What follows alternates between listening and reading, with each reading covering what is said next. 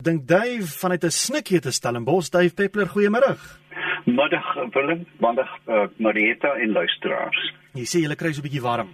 O, oh, jemmel, jy weet as jy met die tyd, uh, jy weet in die binneland is dit laer, maar ons het die probleem van van die gekoppeling van die humiditeit aan die hitte en dit ah. maak ou nog geslam. Kom ons begin met hierdie vraag wat sê Een oggend wemel my vloere van larwes, hulle is omtrent so 20 mm lank maar dit slegs die boonste vlak van die huis se vloere, niks op die meubels nie, kan dit 'n brommer se larwes wees. Ooh, genade, jy weet ek weet nou nie hoe die ding lyk nie, maar kom ek begin dink. Boonste vloer het 'n plafon en die dak is op die boonste vloer. Ek het 'n vermoede 'n staling of 'n eekhoring of iets is dood op die dak en toe het die larwes natuurlik uitgebroei in hulle kruip as dit nou vliee en brommer larwes is en dan is daar die kleinste gaatjie in jou um, plafon dis dan val hulle deur. So ek dink die die eerste plek om te gaan kyk of hy iets gefrik het op die dak nie of op die plafon hmm. alkans nie. Iemand anders wat wil weet, hierdie swam wat die kookstertjie se eh, se voetjies laat afval, tas dit ander voeltjies ook aan? Nee, weet dit lyk vir my uh, uniek aan die aan die um, dis nie swam nie, dis 'n myt. O. Um 'n uh, klein spinnekopagtige myt wat onder die skibbe kyk uh, voel soos mos uh, hulle is eintlik vleiende dinosourus. Dit is baie na verwant aan die dinosourus en kyk jy na alle voëls se pote, is daar baie duidelike byna reptielagtige skibbe daarop en dan uh, kruip die myt onder die skib in en begin dan woeker. Jy verstaan, hoenders kry dit. Uh, ek dink nie hulle kry die koekie uh, spesifieke patogeen nie, maar in die ou dae het die toestand bekend gestaan as bootsom, B O E T S O N, boots on. Ehm, dit voel tog wat beter gelyk op 'n stewelsdra. Ja. En dan kan jy dit baie maklik beheer met uh, met petroleum jelly um want dit sny die die hmm. die uh die suurstof af en dan vrek hulle. Maar ek weet die hemel weet jy kan mos net goedjies van 'n vol vaseline smeer nie. Dit gaan nie help nie. 'n Vraag van een van ons Engelse luisteraars, Kamel Reitz, en sy vra, I would like to know why the kivits come to our garden at night. Uh, wander around, they wander around but keep to one side all evening and in the morning they are gone, says often Farar Mir en Benoni. Ja, moet ek Engels of Afrikaans antwoord? Afrikaans asseblief, Dave. Goed. Ehm um, ek het 'n vermoede dat ehm um, kyk hulle is insekvreters en onder ligte in die aande is dan netlik motte en torretjies en goed. En dit mense vind hulle dis nie net in tuine nie, hulle gaan ook by parkeerplekke uh wy hulle saans onder die lig. 'n uh, 'n tweede funksie mag moontlik wees dat jy weet jy kan jou vyand sien aankom. Hmm. staan. Dit is 'n kombinasie daarvan dink ek. Hier's 'n vraag van Marina af en sy wil weet, het diere ook verskillende bloedgroepe soos mense en kan 'n mens byvoorbeeld in 'n noodgeval 'n uh, hond se bloed vat en dit vir 'n kat gebruik? Nee, die, wel die, die, om die laaste stelling of vraag te antwoord, nee, jy gaan dit dit is die einde van Jafta die kat wees. Um, maar ja, ek, ek, vir al die primate het natuurlik bloedgroepe soos ons kyk die die die bloedgroep ehm um, wetenskap is redelik jonk. Dit is die eerste keer 'n makaakape.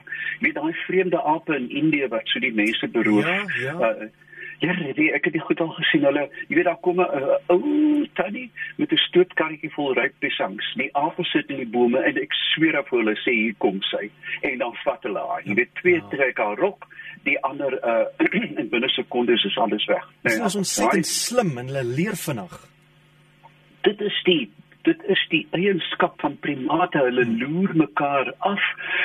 En wat dis interessant dat jy dit sê dat sê net maar jy het 40 groepe makaaks in Delhi. Ek dink daar seker 400 of 4000 weet jy daar's nou 26 miljoen mense in Delhi. Die helfte van Suid-Afrika in een stad Ehm um, net waar jy kom is die rhesus makaaks. Maar jy vind dat hulle dat hulle voorkeure, hulle manier van aanval, hulle manier van beroof is idiosinkraties. Met ander woorde, elke groep het sy eie tegniek. Ehm um, met ander woorde, as jy 'n groep sien vir die tannie met die piesangs aanval, dan kan jy aflei uit die gedrag van die groep uit watter groep hulle kom. Hmm. Maar het beslis bloedgroepe. Ja, maar eh, om vaders naam moenie moenie jou African Grey se bloed in die kanarie sit nie, jy gaan moeilikheid optel. Ek sou sien van Marius Jordan in Kaapstad. Hy sê ek het in my tuin twee groot ringnek duwe voor my badkamervenster net voor Kersfees. Nou 2020 is twee kuikens het hulle uitgebroei. Nou het die ma weer twee eiers. Ehm um, maar een kuiken kom nou terug saam met die ma en kom sit saam met die ma op die eiers. Ek wil weet hoekom dit gebeur, maar die kuiken wil nie uittrek nie. Uh, hulle is nou vir die afgelope paar dae al so, sê Marius kyk, dit is presies soos 'n kind wat nie wil ophou borsvoed nie. Jy weet, jy kry mos 'n kind wat um um vinnige anekdote my ouma Lily se buurvrou se kind het van die skool af gehardloop om gou te kom drink. En ja, ek is ernstig. En toe toe my ouma met 'n zeeboe uh stoofverf 'n skrikwekkende gesig met tande op die bors geteken en sy sê wag tot ek kom en blik blik jy dit. Die kind was vir 2 dae weg. uh, ja, so hierdie kuiken weet waar sy brood gemotter is en wil nie hy wil nie loop nie. Ek ek vermoed dit niks met brood te doen nie. O, oh, jene Dave, ek wonder hoe hoeveel moeders het jy nou 'n wenk gegee daaroor? Luister, die die enigste vraag is jy mes nog swart stoof vol dit. Oh, ja, met tog net nie 'n permanente koutjie gebruik nie, jy gaan dit berou. Ek het ek het gehoor iemand het eendag gesê dit was 'n terapeut of iets wat gesê het as eh, die kind oud genoeg is om daarvoor te vra, is hy oud te oud om dit te kry. Maar in geval kom ons kom ons laat dit maar daar so ons gaan 'n paar mense kwaad maak. Uh iemand hier's 'n interessante een. Hoekom versmoor aardvarke, jakkalse ensovoorts nie onder die grond in hulle gate nie? Uh, ek het al 17 uit een gat sien kom. Waar kom hulle aan aan hulle suurstof? Vra Kobus Nel. Liewe hemel, ek weet se kon dit sien. Kyk, meeste diere wat onder onder die grond leef, met ander woorde, dit staan bekend as fossoriale diere, het baie uh, uh, fyn aangepaste neusgate, gewoonlik met baie hare wat soos klein hartjies keer dat dan nou stof en goed inkom. Baie van hulle kan die neusgat toemaak as hulle grawe, so 'n walvis wat sy by blaasgat toemaak as hy duik. Ehm um, en uh, die rusmetabolisme van die diere is regtig baie laag. Hulle hulle gaan beslis nie die reel dans onder in die gat doen nie, want dan gaan die suurstof opraak. So, hulle lê eenvoudig doodstil die metabolisme die die polsslag uh, raak minder. Uh, met ander woorde, ja, gewoonlik in so 'n gat uh, is daar oor genoeg as jy net te veel dans nie. Alta in die Vrystaat vra is daar enige giftige paddas in Suid-Afrika wat honde of katte kan siek maak as hulle daarin ruik of lek? Ja, duidelik. Kyk, daar is twee soorte paddas. Die gewone springpadda wat gewoonlik 'n atletiese padda is, jy weet 'n lang uitgerekte spitsneuspadda, en dan het ons die skurwepaddas. Nou as jy 'n skurwepadda van naby bekyk, agter sy ore, die timpani, daai drom, oordrom strukture, hmm. lê daar twee ovaal uh kliere en as jy dit letterlik manipuleer met ander woorde dit druk kom daar 'n wit melk uit en dit is baie baie giftig want jy weet 'n hond wat aan 'n padda gebyt het kwyl vir ure daarna. Hmm. Ehm um, dit maak hulle gewoonlik nie dood nie. Dit sal hulle heel moontlik doodmaak as hulle die padda sou opeet maar lank voor die tyd word die die gifstof afgeskei en dan uh, uh, uh word die die die predator afgeskrik. So ja, ons het nie die gifpaddas van die Amazone natuurlik nie weet wat hipergiftig is nie, maar vir alle skurwepaddas, mens noem dit nie noodwendig gifkleure nie, maar daar is gif, daar is kleure wat afweermiddels afskei. Hierso 'n vraag van een van jou bure, Janie Hannekom, hy's ook daar in Stellenbosch. En hy nee. sê ek het 'n uh, uh, ou kers aand buite gesit langs 'n Chinese bamboo struik wat ek so 18 maande gelede geplant het. En daar sit 'n kleinerige verkleermannetjie. Daar's geen korridor van plante waardeur hy van elders kon kom nie. Die naaste boom is omtrent 5 meter weg met 'n meter hoë muur tussenin. Hoe kom die verkleermannetjie daar? En ek het ook 'n paar jaar gelede omtrent 8 verkleermannetjies in my kareeboom voor die huis gehad. Dikwels gekyk hoeveel ek kan raak sien en op 'n dag was almal net weg. Ek woon in 'n veiligheidskompleks, dis stil, daar's uh, min mense buite. Sou Jan Verskaal of 'n valk of katte hulle dalk vang en eet? Katte nommer 1. Ek het mos nou 'n nuwe kat bekom. Ja, ek het nou maar laat my gat gesny met die dier. Vader weet alleen. Daar is nie 'n geitjie son in bed as dit heel sterk nie. Ja. Die verkleurmannetjies het gebruik. Maar dan natuurlik die Jan Fiskale is baie baie lief vir die kleintjies en natuurlik ook reënspinnekoppe.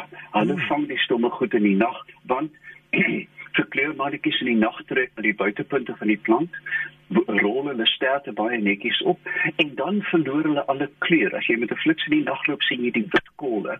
Dis hoe jou verkleurmannetjies eintlik kry in die nag want hulle sit aan die punt van die takkie.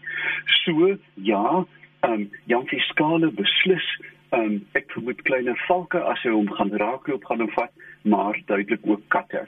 So Ehm um, dit help nie met klokkie en met katte sit nie want die verkleermannetjie gaan nie luister nie, maar 'n mens uh, jy weet dit is nou maar die prys wat jy betaal vir 'n 'n 'n dier wat jou lewe verwoes.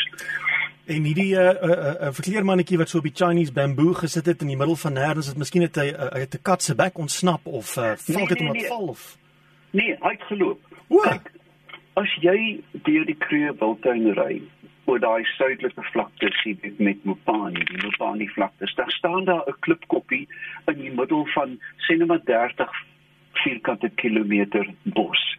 Op daai klippie staan 'n klipspringer. Hy het soontoe geloop, hy het nie gevlieg nie. Ja. Uh, met ander woorde, diere probeer heeltyd om 'n nuwe nis te beset. Met ander woorde, as die klein verklemmertjie in 'n boom is met reeds gevestigde en territoriale volwassenes, hulle gaan vir hom jag. Maak sy bek oop, 'n uh, goudgeel bek wat hulle afskrik, blaas, jy weet.